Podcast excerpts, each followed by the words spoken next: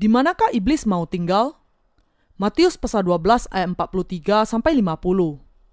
Apabila roh jahat keluar dari manusia, ia pun menggembara ke tempat-tempat yang tandus mencari perhentian. Tetapi ia tidak mendapatnya. Lalu ia berkata, Aku akan kembali ke rumah yang telah kutinggalkan itu. Maka pergilah ia dan mendapati rumah itu kosong, bersih, tersapu, dan rapi teratur. Lalu ia keluar dan mengajak tujuh roh lain yang lebih jahat daripadanya, dan mereka masuk dan berdiam di situ. Maka akhirnya keadaan orang itu lebih buruk daripada keadaannya semula. Demikian juga akan berlaku atas angkatan yang jahat ini. Ketika Yesus masih berbicara dengan orang banyak itu, ibunya dan saudara-saudaranya berdiri di luar dan berusaha menemui dia. Maka seorang berkata kepadanya, "Lihatlah, ibumu dan saudara-saudaramu ada di luar dan berusaha menemui engkau.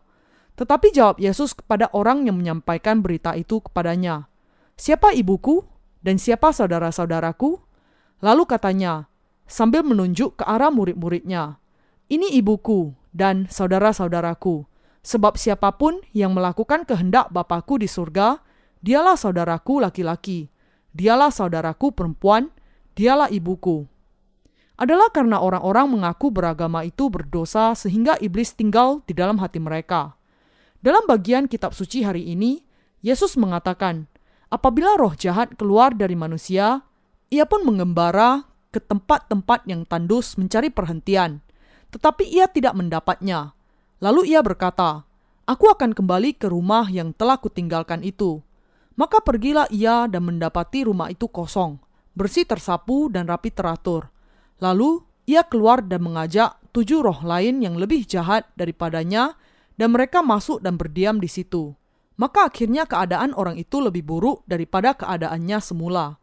Demikian juga akan berlaku atas angkatan yang jahat ini. Tuhan kita mengusir roh-roh jahat dari orang-orang yang kerasukan dan menyembuhkan orang sakit. Tetapi di sini ada kebenaran yang harus dimengerti oleh orang-orang yang mengenal Injil air dan roh. Iblis bisa beristirahat dan tinggal di tanah yang tandus, yaitu hati orang-orang yang memiliki dosa. Mereka yang tidak memiliki firman pasti memiliki dosa di dalam hati mereka.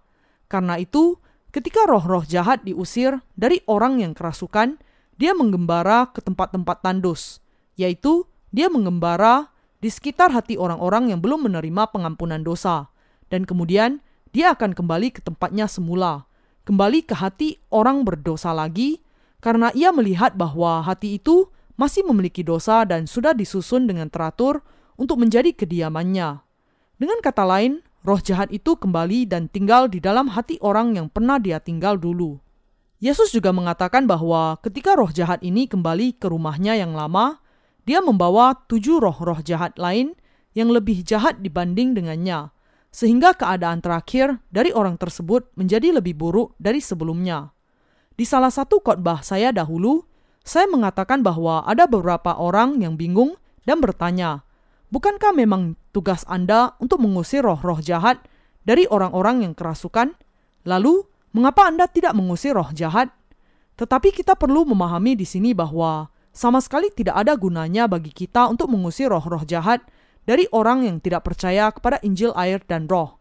Bagi orang-orang yang tidak percaya kepada firman Injil air dan roh, Mengusir roh-roh jahat dari orang-orang yang kerasukan itu sepenuhnya sia-sia, karena roh-roh jahat itu hanya akan kembali lagi di kemudian hari, dan bahkan dia akan membawa lebih banyak roh-roh jahat, dan dengan itu orang yang dirasukinya akan menjadi semakin buruk keadaannya.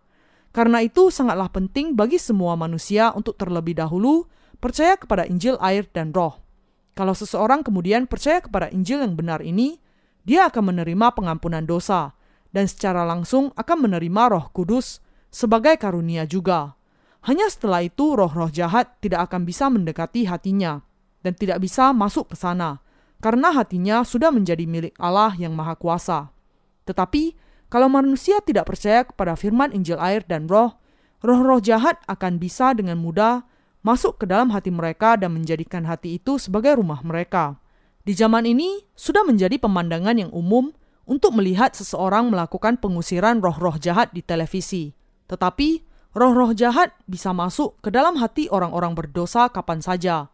Di mana saja ada seseorang yang tidak menerima pengampunan dosa-dosanya, kalau roh jahat itu memutuskan, aku akan menjadikan orang ini kediamanku. Dia dengan mudah bisa melakukannya. Melawan sama sekali tidak ada gunanya. Iblis hanya akan menertawakan dia dan mengatakan, "Betapa beraninya engkau menolak aku." Dia lalu masuk ke dalam hatinya dan menyiksanya, memerintahkannya, "Sekarang engkau harus mengikuti semua kehendakku." Roh-roh jahat itu sungguh-sungguh ada. Mereka adalah hamba iblis dan sangat senang tinggal di dalam hati orang yang penuh dosa. Jadi, kalau orang-orang yang percaya kepada Injil air dan roh hanya mengusir roh-roh jahat dari orang yang kerasukan tanpa terlebih dahulu menyelesaikan masalah yang mendasar, yaitu dosa, hal itu tidak ada gunanya sama sekali. Sebagaimana yang kita baca dalam bagian kitab suci hari ini, Tuhan kita mengatakan bahwa kalau roh-roh jahat hanya diusir di dalam nama Yesus Kristus, mereka akan kembali lagi.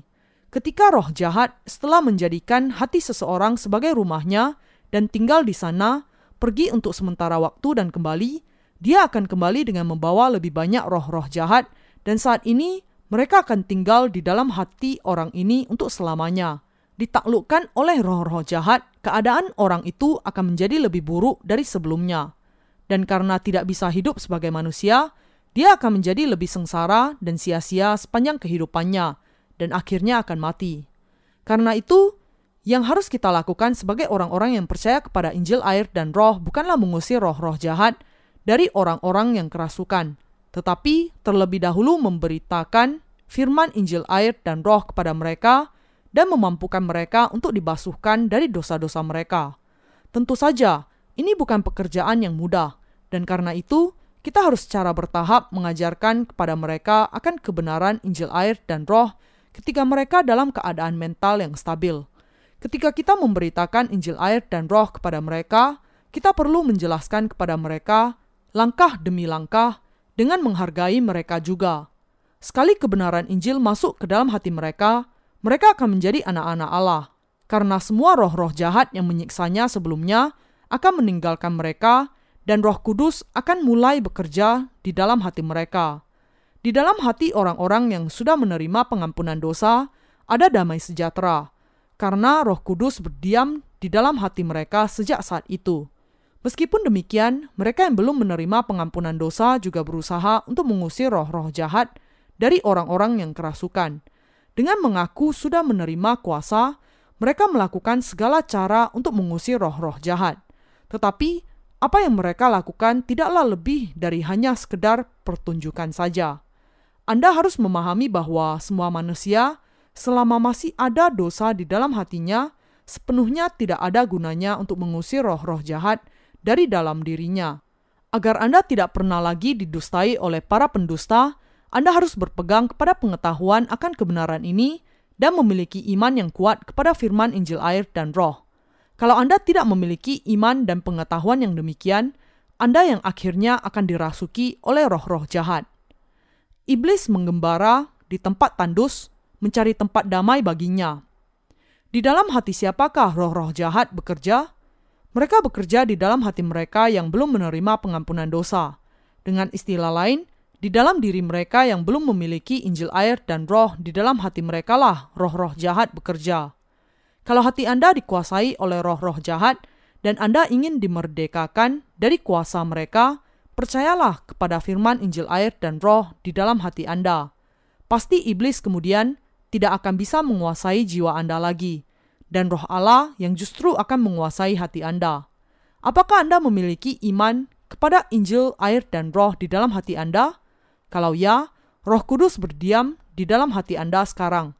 Tetapi di dalam diri mereka yang tidak percaya kepada Injil ini, tidak ada firman Allah yang sudah menghapuskan segala dosa mereka, dan tidak ada Roh Kudus, meskipun mereka mungkin mengaku percaya kepada Yesus. Ini perbedaan antara orang-orang yang percaya kepada Injil air dan Roh dengan yang tidak. Perbedaan antara mereka yang memiliki Roh Kudus di dalam hati mereka dengan yang tidak itu adalah akibat dari apakah mereka percaya kepada Injil air dan Roh atau tidak. Inilah sebabnya roh-roh jahat bisa masuk ke dalam diri mereka yang tidak memiliki firman Injil air dan roh.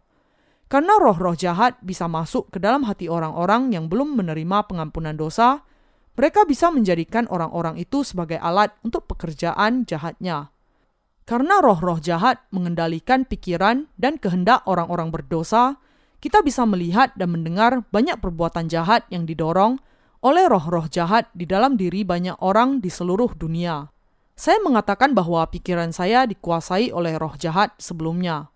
Pada saat itu, hati saya tidak memiliki iman kepada firman Injil air dan roh. Pada saat itu, saya hanya mengenal dan percaya kepada darah di kayu salib. Jadi, melalui dosa-dosa pribadi saya, roh jahat bisa masuk ke dalam hati saya. Dia bisa masuk ke sana bahkan ketika saya menolaknya. Tentu saja, dia tidak bisa sepenuhnya mengendalikan kehidupan saya, tetapi dia memiliki kendali atas diri saya sampai batas tertentu. Saya mengusir roh jahat itu keluar dengan mengatakan, "Di dalam nama Yesus, saya memerintahkan engkau, keluarlah iblis." Tetapi yang perlu kita sadari di sini adalah bahwa sebelum percaya kepada Injil air dan roh, tidak seorang pun bisa dibebaskan dari iblis. Karena itu, seseorang harus mengerti dan percaya kepada Injil air dan roh. Kalau seseorang tidak menerima roh kudus yang maha kuasa, roh-roh jahat akan kembali masuk ke dalam hati orang-orang berdosa dan ketika mereka kembali, mereka akan membawa semakin banyak roh-roh jahat. Dan kali ini, mereka akan menguasai korban mereka sepenuhnya. Menjadikan mereka sebagai hamba iblis, membuat mereka melakukan hal-hal yang gila, dan akhirnya sepenuhnya merusak kehidupan mereka. Inilah pekerjaan iblis. Siapakah yang berdiam di dalam hati mereka yang percaya kepada Injil air dan roh? Apa yang luar biasa bagi Anda dan saya yang sekarang percaya kepada Injil air dan roh adalah bahwa selama Injil ini ditemukan di dalam hati kita, kita tidak akan diganggu sama sekali oleh rancangan dari si jahat. Kita orang-orang yang percaya kepada Injil air dan roh mungkin memiliki kelemahan di dalam daging kita, tetapi kita tidak akan dipermainkan oleh roh-roh jahat. Indah sekali bukan?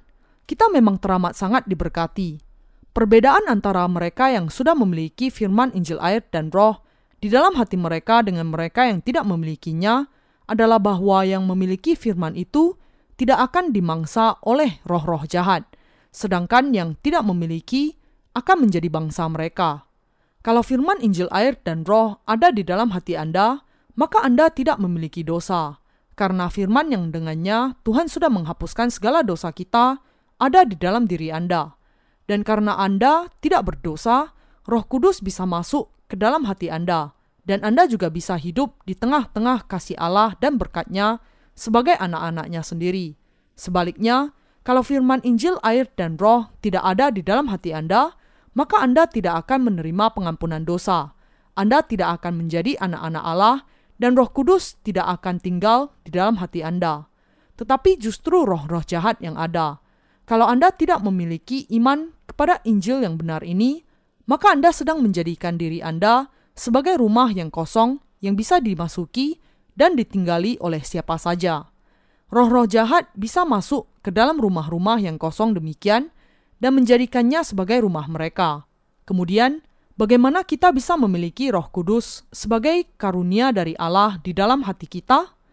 Hati Anda adalah bejana yang bisa menampung apa saja sebagai bejana, mungkin Anda menampung hal-hal yang baik, atau sebaliknya, Anda juga bisa menampung hal yang jahat.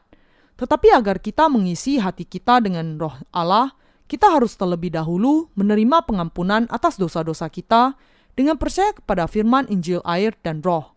Kita yang percaya kepada Injil air dan roh adalah bejana-bejana yang bisa menampung roh Allah. Anda perlu menyadari di sini bahwa semua orang adalah bejana yang bisa menampung roh Allah dengan cara menerima pengampunan atas dosa-dosanya. Karena itu, kalau kita mau mengundang Roh Kudus masuk ke dalam hati kita, maka hati kita harus memiliki iman kepada firman Injil air dan Roh. Ketika Tuhan kita datang ke bumi ini dan dibaptiskan, Dia menanggung segala dosa kita sekaligus. Yesus dibaptiskan di Sungai Yordan untuk dosa-dosa kita, dan kita harus percaya bahwa ketika Dia menerima baptisan ini, segala dosa kita ditanggungkan kepada Yesus yang dibaptiskan, dan hati kita harus memiliki firman Allah yang mengatakan kepada kita bahwa Yesus memikul dosa-dosa dunia mencurahkan darahnya dan mati di atas kayu salib, bangkit kembali dari kematian, dan dengan itu untuk selamanya menyelamatkan kita dari segala dosa kita. Injil air dan roh inilah Injil yang berkuasa, yang membuat iblis tidak bisa mengancam kita. Inilah sebabnya mereka yang memiliki firman Injil air dan roh di dalam hati mereka berbahagia. Sementara mereka yang tidak memiliki firman ini sangat mudah untuk ditawan oleh iblis. Kita melihat bahwa banyak orang Kristen di dunia ini yang percaya kepada kekristenan hanya sebagai sekedar salah satu agama dunia saja, dan akibatnya mereka ditawan dan diperbudak roh-roh jahat. Ketika roh-roh jahat diusir dari orang-orang yang kerasukan, mereka menyanyi dengan penuh sukacita. Tetapi, apa yang terjadi sejalan dengan berlalunya waktu? Kita melihat bahwa orang-orang yang kerasukan itu akan mendapatkan lebih banyak roh-roh jahat lagi. Yang mengejutkan, banyak orang-orang yang kerasukan di antara orang-orang Kristen. Kita harus memahami bahwa di dalam hati yang berdosa itulah roh-roh jahat tinggal. Karena itu, kita perlu menguji hati kita untuk melihat apakah kita sungguh-sungguh percaya kepada firman Injil air dan roh atau tidak. Dan kita semua harus percaya kepada Injil yang benar ini. Pastinya kita harus memiliki iman kepada Injil air dan roh di dalam hati kita. Anda perlu memahami bahwa adalah ketika Anda tidak memiliki iman kepada kebenaran Injil ini, kemudian Anda bisa dirasuki oleh roh-roh jahat. Ingatlah bahwa kalau Anda tidak memiliki firman ini, bahkan ketika Anda mengaku percaya kepada Yesus, cepat atau lambat Anda akan ditangkap oleh roh-roh jahat dan tunduk kepada keinginannya. Anda tidak mau hal itu terjadi, bukan? Kalau tidak, percayalah kepada firman Injil air dan roh. Bagaimanapun bagi mereka yang hatinya tidak memiliki firman Injil air dan roh, roh-roh jahat mungkin meninggalkan mereka. Tetapi akhirnya mereka akan kembali lagi. Yesus mengatakan bahwa iblis mencari tempat yang tandus untuk kediamannya. Tanah yang tandus di sini mengandung arti hati yang tandus dari orang-orang berdosa yang tidak memiliki firman Allah. Rekan seiman yang terkasih, Anda aman jika firman Injil air dan roh firman pengampunan dosa itu ada di dalam hati Anda. Tetapi, kalau firman ini tidak ada di sana, roh-roh jahat bisa mengambil hati Anda dan menjadikannya rumah mereka. Tindakan roh-roh jahat yang demikian tidak bisa dihentikan. Tuhan karena itu mengatakan bahwa semua manusia di dunia ini akan dikuasai roh-roh jahat cepat atau lambat. Matius pasal 12 ayat 45. Dia mengatakan bahwa semua manusia, kecuali orang-orang yang percaya kepada Injil air dan roh, akan ditundukkan oleh roh-roh jahat. Apakah Anda tahu apa yang rohani? Agar Anda menjadi rohani, berarti Anda harus memiliki iman kepada firman Injil air dan roh.